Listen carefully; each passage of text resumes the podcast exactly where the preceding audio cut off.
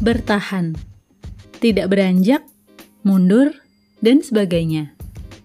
Kita tetap ada di tempat kita karena yakin bahwa itulah yang benar. Keyakinan kita harus lebih kuat dari guncangannya agar tetap bertahan. Sebab jika tidak, tentu kita sudah goyah dan beranjak dari posisi semula. Tanggung jawab itu tidak mudah, sebab suatu waktu pasti menghadapi ujian, tantangan, bahkan guncangannya tersendiri. Kalau tantangan saat naik wahana di taman hiburan banyak dicari, namun di kehidupan nyata, sesungguhnya kita sering mengalami.